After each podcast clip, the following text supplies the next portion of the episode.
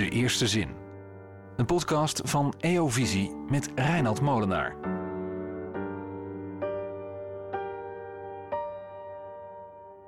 Ze hebben haar weggehaald. Ze hebben haar jas over haar bloemetjesnachtjapon aangetrokken en pleisters over haar bloedende nagelriemen geplakt. Dat is de eerste en tweede zin van het boek Zwaartekracht van Annemieke Reesink.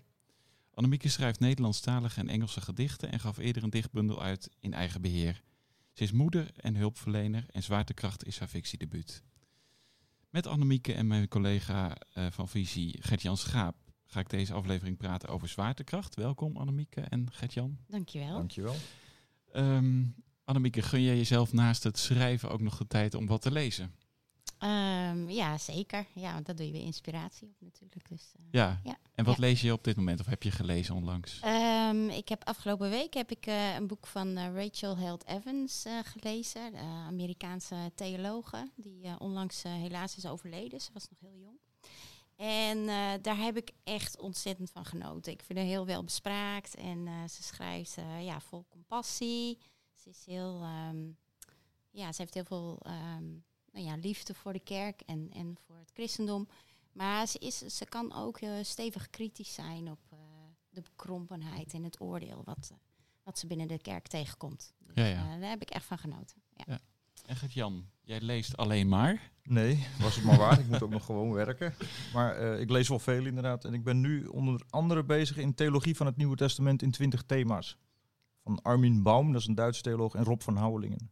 Oké, Echt Mooi. een studie, eh, studieboek, maar wel heel interessant. dus allebei theologische werken.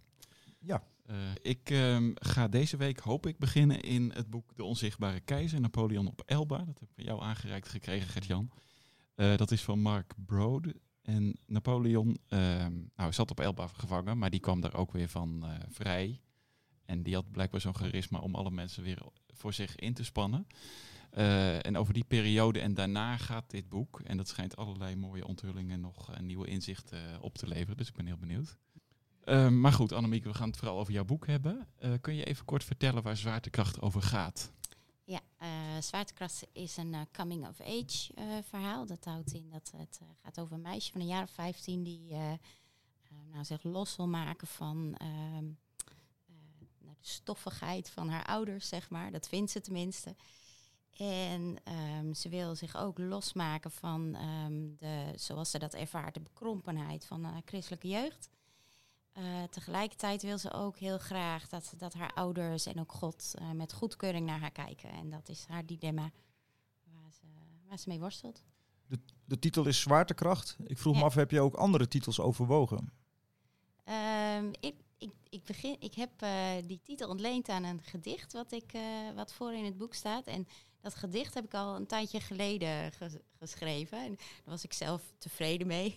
dus, dus eigenlijk had ik al vrij snel ehm, eh, dat verhaal, ehm, dat gedicht, eh, noem ik onder andere het verhaal van Icarus, hè, die op geleende vleugels eh, naar de, ja, wil vliegen, het luchtruim kiest. En ehm, maar hij is eh, hoogmoedig en hij wil naar de zon en hij stort neer. En ik dacht, nou, dat is wel ook een heel mooi beeld voor hoe je als, als eh, puber soms kan zijn. Dat je denkt van, ik schud alles van me af en ehm, ik zoek mijn eigen weg.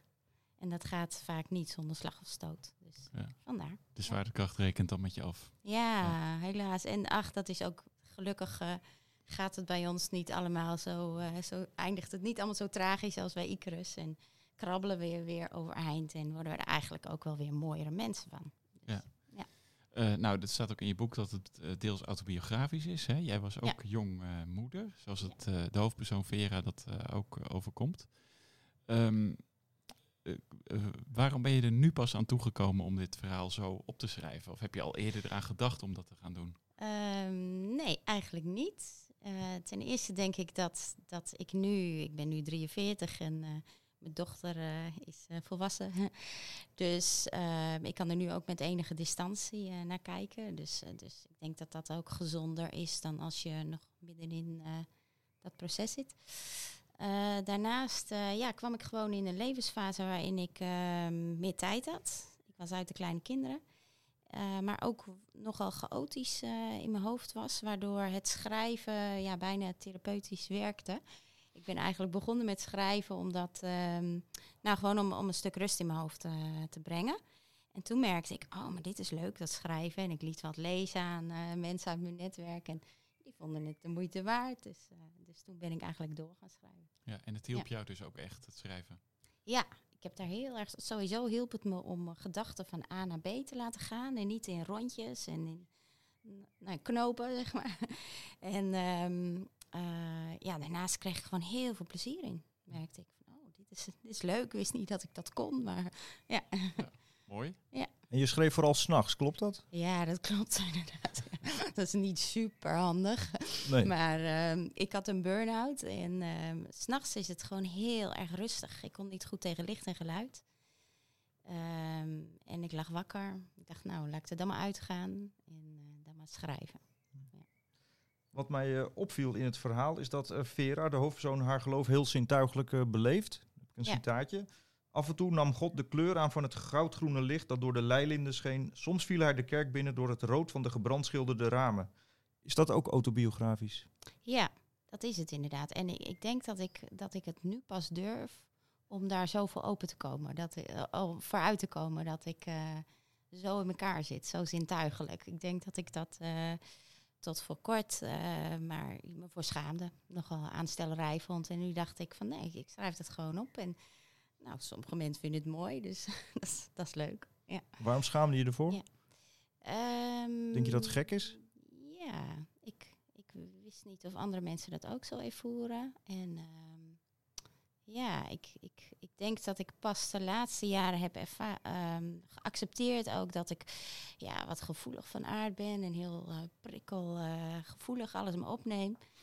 Ehm, ik moest ook wel, ik had die burn-out, dus ik, ik, moest wel van oké, dit is het. Ik, ik was eh, uit de lucht gevallen, zeg maar ook. Ehm, nou ja, en eh, wat ik wel heel mooi vond, is dat, dat er dan in die diepte, want ik vond het erg pittig hoor, die burn-out, ehm, ook wel weer mooie dingen ontstaan. Zoals het schrijven. En, en dan eh, met trillende handen eh, liet ik dan een gedichtje lezen aan iemand in mijn omgeving. Ik dacht, oh, ze zullen het wel heel melodramatisch vinden, maar vaak vonden ze het mooi. En dacht ik, nou, dan ga ik door. Ik kan me voorstellen dat het schrijven niet alleen maar mooi is. Nee. Waar zaten eh, de moeilijkheden voor jou bij het schrijven van dit boek? Ehm, ik ben een beginner. Hè. Ik, ik heb een heel andere achtergrond. Dus het schrijven was nieuw voor mij. En ik schreef heel erg vanuit mijn onderbuikgevoel. Ehm, op den duur eh, nou ja, de dapperheid eh, genomen om, om het eh, naar de uitgever te sturen. En die was te spreken over mijn stijl. Dus nou, dat vond ik Wat echt was er wel... toen al af ehm, toen je het naar de uitgever stuurde? het, het was echt al een verhaal, maar het was heel ongebreideld. ah ja. Ja. en ik heb echt wel op, technisch gebied een heleboel bijgeleerd eh, daarna nog. Dat was ook nodig. Ehm, maar ja, ik schreef dus eh, zonder kennis van zaken, zeg maar. En, en gewoon vanuit mijn onderbuikgevoel.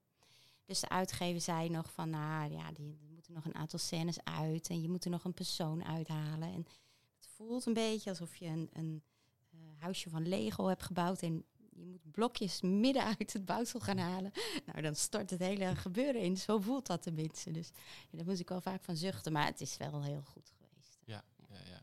En ehm, in het beschrijven van, eh, van bepaalde scènes, had je daar soms Mhm. wel eens dat je stagneerde? Of liet je het dan even liggen en ging het dan zo weer door? Mm, nee, eh, het schrijven van scènes gaat me goed af. En sfeertekeningen en zo. Eh, maar het aan elkaar breien van die scènes... en er Ja. Lopend verhaal van maken... daar had ik meer moeite mee. Annemieke Vera is, eh, is een heel ongeduldig en een opvliegend eh, meisje in het verhaal. Maar tegelijkertijd eh, heeft ze voor een meisje van 16, 17 best wel veel zelfreflectie. Geldt dat ook voor jou? Nou ja, ik lijk wel wat op haar, denk ik. Ik vermoed het al. ja. Ja. Ja, ja, nou ja, weet je, dat is de keerzijde van, eh, van zo'n druk eh, hoofd en zo prikkelgevoelig zijn. Eh, ik pieker, dat is niet handig. Maar aan de andere kant eh, denk je ook na over jezelf en over het leven. En eh, ja, ik heb maatschappelijk werk gedaan en nou, daar kwam dat ook wel eh, van pas. ja. Ja. Het is ook een kracht. Ja, precies. Maar d- dat is dan op latere leeftijd bij jou, denk ik, geweest. Dan, bij Vera is het natuurlijk al op haar 18e, 19e dat ze heel veel... Ja. Nou, ik was altijd wel reflectief, ook als kind wel. ja, ja. Ja, wat ik ook wel. ehm, toen ik al nog op de HAVO zat, eh, dan spijbelde ik gewoon eh, laatste of eerste uren. Voelde ik me ook niet schuldig om, want ja, wie heeft daar last van? eh. maar ik, was, ik ben gewoon na een halve dag heel vol. En dan moet ik, dan heb ik het ook nodig om te reflecteren en alles te herkauwen. En, maar ja, als je dan werkt, dan moet je gewoon van 9 tot 5 werken. En wat ik doe, doe ik goed. Maar om drie uur was ik back af. Dan Ja. zat ik eigenlijk al vol. Ja, dan kan je niet die laatste uurtjes spijbelen natuurlijk. Dus daar, daar ging het mis bij mij. ja. Ja, ja. Ja. Ik kan me voorstellen als je jong moeder bent, dat dan helemaal die druk heb je dan voortdurend Mm. natuurlijk, dat er iets moet. Nou, ik, was, eh, ik ben lang fulltime moeder geweest. En dat paste me eigenlijk wel heel goed. Ja, want dat is een intensieve taak, maar ook een, een, rustige taak ergens. Hè? Ja, Ja, kon je daar ja. wel die eh, reflectie en die Ja, ga je weer de eentjes voeren en weer naar het speeltuintje en de glijbaan. Nou, Ja. dan kan je ondertussen wel een beetje nadenken. Want jij was ook 16, toch? Net als Vera in het boek. Ja, ik was eh 16 toen ik zwanger raakte. Zwanger en, raakte, ja, precies. En 17 toen je moeder Ja. werd. Ja. klopt. Vera zegt uiteindelijk in het boek dat ze terugkijkt op een, op een gelukkige jeugd. Ja. Geldt dat ook voor jou? Zeker, zeker. Ja. Het is ook niet één op één mijn verhaal, hè, het verhaal van Vera. Wel dat eh, eh, jonge moederschap. Eh, maar ik heb een, een zeer gelukkige jeugd gehad. Ja. En waar denk je dan met name aan? Eh, maar er was heel veel geborgenheid, heel veel veiligheid. En als ik dan ook niet puur kijk naar mijn gezin van herkomst, maar ook het eh, opgroeien binnen een, ehm, een geloofsgemeenschap die best besloten is. eh, dat geeft ook een heel natuurlijk gevoel van, van ik hoor er hoe dan ook bij. En dat, eh, ja, dat geeft ook veel warmte. En pas als je wat ouder wordt en je merkt van oh, ik zou wel eens wat vaker buiten de lijntjes willen kleuren, ja, dan, dan gaat dat wringen. Maar eh, ja, ik heb zeker ook een hele zorgeloze eh, jeugd gehad. Ja. Dat viel me op. Je werkt met heel veel contrasten in het boek, die ongetwijfeld ook met je eigen leven eh, te maken hebben. Mhm. Platteland versus stad. Mhm. eh EO-visie noemde je een paar keer mooi. Versus de hitkrant en zo. Ja. Ook dat komt allemaal uit je eigen jeugd, denk ik. ja, veel komt wel uit mijn eigen jeugd. Ik heb natuurlijk eh, ook veel verzonnen, maar ja, zeker. Ja, En ook de, de Ja. boeken die je noemt, U2 en andere muziek, ja daar hou ik wel heel erg Ja. van. nog steeds. Nog steeds, Ja. ja. hoor, zeker, zeker. Nou, maar, maar juist ook die, eh, dat hiaat tussen eh, wat je in de kerk meekrijgt. Want het was niet alleen de kerk waar je op zondagochtend en middag naartoe gaat, maar het hele sociale leven vindt plaats rondom de kerk. Ik ging naar een heel klein conservatief schooltje. Ik, ik kende alleen maar christenen. Dus ik heb ook lang toch een beetje het beeld gehad van, ja, niet-christenen, nou, dat zijn maar een beetje enge mensen. Hè? Wij, wij zijn toch als christenen iets liefdevoller, iets diepzinniger. En, ehm, en, en bij mij heeft dat ook wat langer nog geduurd dat ik in die bubbel bleef, omdat ik dus zo jong zwanger raakte thu- en thuismoeder was. En eigenlijk pas toen ik ehm, eind twintig was, ging ik studeren. En toen ging ik werken eh, eh, onder niet-christenen ook. En toen dacht ik, oh, ik ben best wel eigenlijk naïef en bevooroordeeld. Dat merkte ik toen pas. Ja, Vera merkt dat ook aan haar leeftijdsgenoten. Hè? De Ja. vriendin die in de stad gaat studeren en een heel ander leven krijgt. Ja. Terwijl wat dat betreft bij haar inderdaad de bubbel kleiner is. Ja, ja, precies. Ja. En dat, dat werd versterkt en dat heb ik ook in mijn eigen leven ervaren. eh, doordat, eh, doordat Vera en doordat ik ook zo jong moeder was. Want ergens eh, ben je natuurlijk ineens heel volwassen. Want je moet wel. Je hebt gewoon verantwoording voor zo'n mini-mensje. Dan moet je, dus, dus dan moet je geen domme dingen meer doen. Hè? Dan moet je je verantwoordelijk gedragen. Anderzijds wordt de vorming van de identiteit wordt, wordt vertraagd. Want je hebt ook niet eh, de mogelijkheden om eh, een beetje te experimenteren. Eh, waardoor dat pas eigenlijk toen mijn kids, ik heb drie kinderen, toen ze alle drie naar school gingen en ik ging studeren, toen heb ik het idee dat ik veel meer in balans kwam. En leerde van, oh, maar wie ben ik eigenlijk? En oh, ik mag best een beetje kritische vragen stellen. Ja, Ja. dat was wel heel goed voor mij. Ik dacht, op het moment dat je moeder wordt, ga je ook nadenken over de vraag van wat geef ik mee aan mijn kinderen? Ja, Die vraag klopt. wordt heel urgent ineens. Ja, ja, ja, dat is inderdaad zo. Ja, ja. Dus ehm, ik, eh, ik laat Vera ook een beetje opstandig zijn. En nou, ze kleurt wat buiten de lijntjes. Ze schopt wat tegen de normen en waarden van de ouders. Maar dan wordt ze moeder. En dan, dan heeft ze die ruimte eigenlijk niet meer.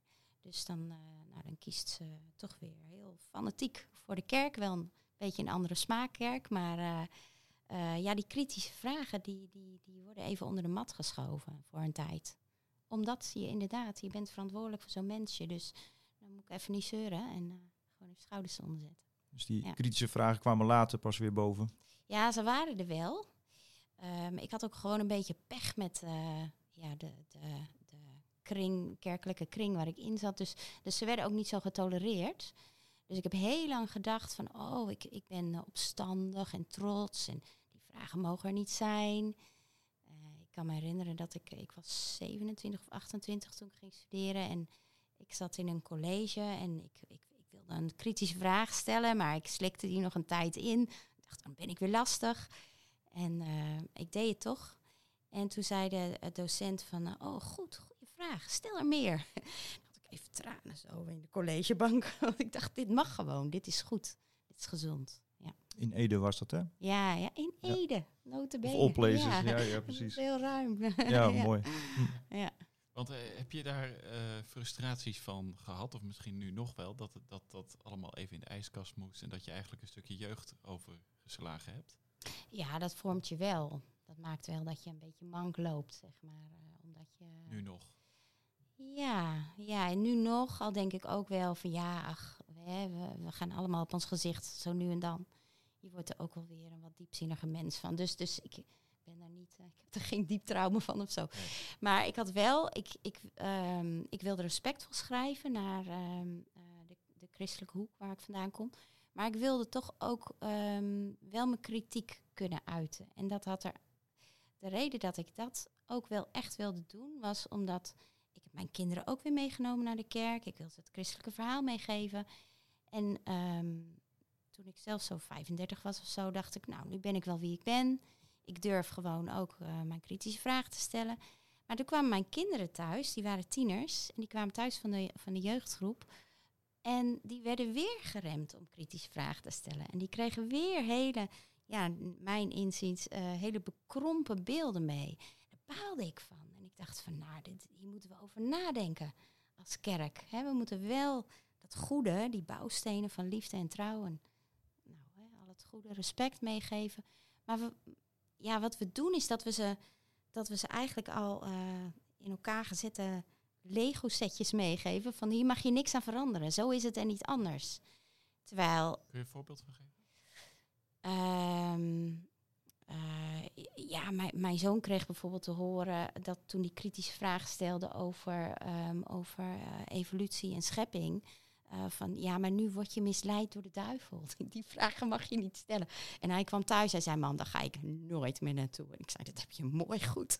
ja, dat Ja, wil ik Dus helemaal geen niet. inhoudelijk antwoord. Nee, en je hoeft het natuurlijk niet eens te zijn met, met eh, een denkbeeld van de jongeren. Maar laten we ze wel stimuleren om die vragen te stellen. Dus eigenlijk zag je in, Ja. in Pinksterkringen eh, hetzelfde patroon als dat je eerder in Gereformeerde Bondskringen zag. Klopt dat? ja, Ja, en Tot je dat, verrassing. i- tot mijn verrassing inderdaad. Ik dacht dat ik een rechte lijn was gaan lopen, van zwaar naar licht, hè? zeg maar, van wat toleranter. En ehm, op den duur kwam ik erachter, oh, ik, ben, ik ben gewoon een cirkeltje aan het lopen. Ze lijken ergens ook alweer op elkaar. Want je ziet de Vera dat ook doen. Hè? Zij zoekt het Ja. eerst dus wel gewoon in haar thuisgemeente. Ja, Traditioneel, dan komt ze via een buurvrouw in een Pinkstergemeente eh, terecht. klopt. Ja, Ehm, en vervolgens keert ze de kerk eigenlijk helemaal de rug toe. ja. ja. God niet. Ik, nee, God niet, precies. Ja, Maar ja als maar lezer heb ik zelf eh, ook wel zo ja. iets van, ja. misschien God ook wel. ja, ik heb zelf niet dat gevoel, maar eh, Nee. ja. En ja. Want, want daar ben ik wel benieuwd naar. Van, kun je je Mhm. voorstellen, ben je dan met je lezer ook bezig op zo'n moment als je dat schrij- opschrijft? Eh, vraag je je ook af van in hoeverre kan ik rek bij mijn lezer verwachten, om maar zo te zeggen, om hierin mee te gaan? Of kan het ook afstoten als Dat, dat wel... kan. Ik, ze heeft over ja. atheïsme, dat die zo gek nog niet Ja. zijn. Ja, nou, ik ben best wel een pleaser, dus ik wil altijd dat iedereen me leuk en aardig vindt en mijn verhaal mooi vindt. En, eh, maar dat, dat, daar heb ik mezelf wel in aangepakt. Zo, nee, ik wil schrijven wat ik denk en wat ik voel. En, ehm, en ik wil ook de kritische vragen stellen, ook al vinden sommige mensen dat misschien eh, niet goed of zo. Ja, Ja. Jammer dan. Ja. Dat roep ik wel heel stoer, maar van binnen vind ik dat soms wel lastig. Maar, Wa- Want heb je überhaupt een publiek in gedachten? Mm, ik, Nou ja, wat ik, wat ik sowieso merk is ehm, eh, dat, dat mensen het interessant vinden om te horen dat ik uh, tienermoeder was. Ja, Dus tot ik denk vervelens toe misschien dat wel. vervelend toe soms, ja precies. En nu moet ik er de hele tijd over praten. Ja, Ehm, ja, maar, maar goed, dat, dat is natuurlijk ook gewoon even goed nagedacht. Het was makkelijk om daarover te schrijven, want hè, ik hoef me niet eh, in te leven in een ander. Ik, ik kan heel veel uit mijn eigen hoofd schrijven. Ehm, ik realiseer me ook, mensen vinden dat boeiend. Die willen dat weten, hoe was dat dan? Ja. Dus in die zin ja, heb ik ook wel niet-christelijke lezers die dat gewoon wel boeiend vonden. Ehm, en daarnaast ehm, dacht ik van ja, als, als ik iets kan bijdragen aan dat gesprek van wat geven wij onze jonge mensen mee? Wel, wel dat goede hè, van het christelijk geloof, de bouwstenen, maar niet per se al in, in malletjes gegoten. Laat ze zelf maar een beetje kijken hoe ze dat toepassen. En ik wilde, ehm, het, gaat ook veel over seksualiteit, want ja, hè, het raakt eh, in verwachting natuurlijk. eh, Dan kun je er niet omheen. Buiten het huwelijk. ja. Ehm, en ik heb daar ook eh, veel over gepraat met, met vriendinnen die uit een soortgelijke christelijke achtergrond komen. Dat, dat we heel lang last hebben gehad van schuld en schaamte. Omdat je ja, als vrouw je toch vooral netjes moest gedragen. En ik denk, ehm, ik wilde dat wel beschrijven, wat dat doet met een meisje. Als, ze, als ze zo meekrijgt van, nou, seksualiteit is vooral, dat, dat moet binnen deze kleine lijntjes. En alles daarbuiten is iets om je voor te schamen. Terwijl, ja, we zijn seksuele wezens, dus we gaan per definitie buiten die lijntjes. Dus voel je je altijd maar schuldig. En ehm, dat, dat wilde ik wel beschrijven, want ik wil daar wel dat we daar met elkaar over praten. Zouden we meer in het hooglied moeten lezen? Ik denk het wel. Sowieso super mooi. Dus, ja. Of het anders Ja. moeten lezen? Ja. Ja, ja. Nou ja, de, hoog, eh, de schrijver van Hooglied neemt geen blad voor de mond. Nou, dat eh, gebeurt binnen de christelijke wereld nog best wel. Ik kreeg al van verschillende mensen te horen... nou, nou, je schrijft wel open over seks in een christelijk boek. En dan denk ik... nou, daar was ik me niet zo bewust van. eh, wat zegt dat over, eh, over christelijke boeken, toch? Ja. ja. Het lijkt me wel ingewikkeld als je schrijft, eh, enerzijds voor een christelijk publiek, maar Mm. misschien toch ook wel voor een niet-christelijk publiek. Ja, ik heb Toch? eigenlijk vooral geschreven waar ik zin in had, hoor. Ja, Ja. maar en dan goed, hoop als je... ik maar dat mensen het waarderen. Ja. Maar ik kan me wel voorstellen, als je het goed vindt, dan maak de, ga ik er even sorry. op door. Ehm, dat een niet-christelijk publiek ook weer heel veel niet herkent. Hè? Je hebt heel Ja. veel insight eh, information in het boek gestopt. Klopt. En dat maakt het voor een christelijke lezer denk ik juist heel boeiend om te lezen en eh, heel herkenbaar. Ja. Ja. De- heb je daar wel, eh, oké, je, je doet natuurlijk gewoon wat je leuk vindt en wat Ja. je ligt, maar heb je daar Ja. nog afwegingen in gehad? Ja, ik heb ook met iemand eh, gesproken die er verstand van heeft, van de boekenmarkt. En die zei ook van, je moet wat meer van die insight eh, dingetjes uithalen. Zodat het voor een wat breder publiek toegankelijk is. Eh, maar dan, ja, dan, dan knipte ik te veel in mezelf. Dus ik, natuurlijk hoop ik dat dit boek eh, vet verkoopt. Maar ik vind het belangrijker dat ik schreef waar ik zin in had. Eh, en ik hoop dat eh, mensen die wel een soort gelijke achtergrond hebben en dit lezen ook eh, een beetje moeten lachen af en toe om die herkenbaarheid. Dat vond ik wel grappig. Ja. Ja, En er zit ik- bij jou ook wel een soort drive achter, hè? Van je wilt meer openheid in de, in de kerk of in de Mhm. gemeente. Ja. In die zin eh, houd je ons wel een spiegel voor, denk ik.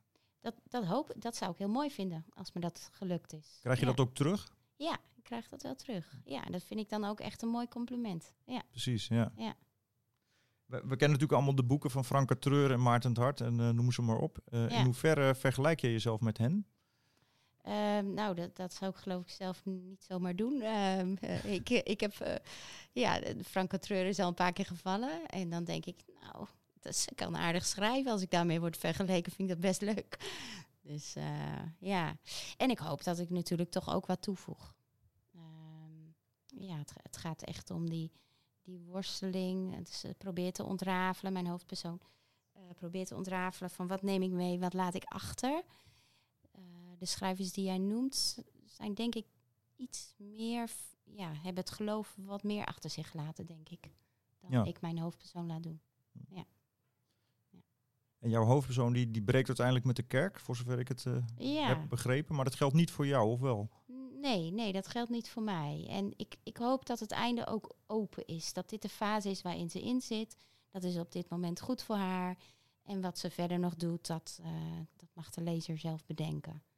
Dus het is ook niet echt een blijvende breuk. Ja. Ehm, ja, ik ben op dit moment ook niet lid van, een- van een kerk, terwijl ik dat wel weer wil. Maar het is voor mij ook wel fijn om even wat afstand te nemen. Weet je, ik ben zo ja, doorkneed met, met dat christelijke jargon. Dat het ook soms helpt om even wat afstand te nemen. Te denken, oh, maar wat geloof ik nou eigenlijk zelf? Ja. En is dat eng of is dat juist wel heel... Ehm, ik dacht dat het eng was. En toen, toen ging ik weg bij de kerk. Toen dacht ik, oh, is makkelijk. Ja, ja. ja. ja, het viel wel mee. Ja. Ehm, misschien een impertinente vraag, dan moet je het maar zeggen. Maar ik ben ook wel benieuwd naar wat jouw eh, meest nabije omgeving, jouw familie, eh, op het boek gezegd heeft. Ja, over het algemeen wel, eh, wel positief. Ja. Ja. Mensen vinden het natuurlijk ook soms een beetje spannend, omdat het deels autobiografisch is. En daar heb ik ook wel na- over nagedacht. Ik zei net al, Vera lijkt behoorlijk op mij. Maar haar ouders en, en, en haar broer en haar partner zijn absoluut niet mijn ouders en mijn partner. Nee. Maar Zij het kan voor je ouders misschien prijs. wel zo zijn van, oh, Ja. eh, is dit dan misschien toch wel autobiografisch? En Ja, ja, Dat- d- ja dat, dat kan natuurlijk. Ja, moest ja. daarover gepraat worden? Ja, of ja. ging dat... eh, Ehm, eh, met sommige mensen wordt daar wel over gepraat. Ja. ja. ik, ik voel dat ik moet ophouden nu. nou ja, nee, ik, ik heb wel bewust ge- gekozen om die omgeving anders te maken. En dat vind ik ook terecht. Ik zou dat heel onrespectvol vinden om nu te gaan praten over wat mijn man wel of niet vindt. Hè? Dat, Mhm. ja, ik leg mijn ziel op tafel, dat is mijn keus. Eh, niet die van mijn familie. En je kinderen, hebben zij het gelezen? Ja, zij waren echt eh, vol lof. Dus daar word ik als moeder natuurlijk super blij van. Wat was Ja. het mooiste wat ze erover zeiden? Ja. Ehm, eh, vooral dat ze het zo enthousiast aan het lezen waren. En mijn dochters zijn op kamers. Mijn zoon woont nog, of die, die wonen op zichzelf bedoel ik. Die zijn gewoon nog getrouwd. ik, soms eh, loop ik nog wat achter in mijn hoofd. Ehm, mijn zoon woont nog thuis. Ze waren alle drie aan het lezen. En we hebben een gezinsapp. En elke keer was er dan... eh quote, eh, citeerden ze een zin of zo. Of zeiden ze, oh die scène mama, wat grappig. En ja, dat was gewoon heel erg leuk. Dat, Kennen ze jou nu ook een stukje beter, Ja. denk je? ja, Dat je, zoals je zegt, je ziel op tafel hebt gelegd? Ehm, ja, van, van sommige dingen. Ik, ik werd op de duur. eh, ik, ik laat haar partner op den duur iets, een beetje iets lelijks doen. En mijn dochter belde gelijk: Hallo, heeft papa dat gedaan? En ik zei: Nee, nee, dat is echt wat. Oh, dan is het goed. Fictie, ja. dus ze zijn wel steeds aan het kijken van Ja. wat is echt en wat niet. eh, Ja, Jij bent de enige die het weet. ja, ja, precies. Wat kunnen we nog meer van jou verwachten qua schrijven? Ja, ik vind het schrijven zo superleuk. Daar ga ik niet meer mee stoppen. Nee? Nee, nee. Ik vind het echt fantastisch leuk. Ja, Smaakt naar meer. Ja, ja, zeker. Ben je al met Ja. iets bezig? Ja. Of? Ja, losse scènes. Ja, gedicht vind ik sowieso heel erg leuk om te doen. Dus dat doe ik gewoon eh, tussendoor. En ehm, ik heb ook wel wat scènes voor een boek. Ja, wat dat nog precies, hoe dat het verhaal precies gaat lopen, weet ik nog niet zo goed. Ik vind het ook interessanter om personen uit te diepen dan de verhaallijn. Dus dat is mijn sterke en zwakke punt, denk ik. Ja. Eh, Dus met die verhaallijn heb je wel een redacteur nodig die het wat... eh, ja, daar kan ik wel wat hulp in gebruiken, denk ja, ik. ja, ja. Al heb ik ook veel geleerd. Ik neem mij voor om ook wat eh, technischer, gestructureerder te schrijven. Ja. Of me dat lukt, eh, dat zien we. Dat zullen we zien. Het wordt weer een roman, begrijp ik in ieder geval. ja, ja, daar heb ik wel zin in. Ja. Schrijf je nog steeds s'nachts? Ik probeer ook dat minder te doen. ja, ik vind het gewoon heel lekker als het helemaal stil en donker om me heen is. En ik kan me voorstellen dat het eh, minder autobiografisch wordt de tweede keer. Ja, ja, Is dat ja ook precies. Dit heb ik nu van mijn lever. Dus, eh, ja. Ja. Maakt dat het makkelijker? Ehm, nou, ik vond dit ook het schrijven. Ik vond het eh, ordenen en structureren moeilijk. Maar het schrijven, ach, dat vloeit. Ja. Want je hield als kind al van verhalen. hè? Ja, ik hou wel heel erg van verhalen. Ja, ja. Maar, maar dat, dat, dat ik ook echt kan schrijven, dat is nieuw. Dat wist ik niet zo goed. Nou, ik heb wel voor de kinderen wel kinderverhaaltjes geschreven en zo. Dus ik wist wel een beetje. Nou, hou ons op de hoogte, Annemiek. Dankjewel. En, eh, bedankt voor je komst. Dankjewel. Jij ook. Graag gedaan. Dit was De Eerste Zin, de maandelijkse boekenpodcast van EO Visie. Bedankt voor het luisteren. Wil je meer inspirerende gesprekken over boeken horen? Abonneer je dan op ons kanaal en krijg iedere maand een update.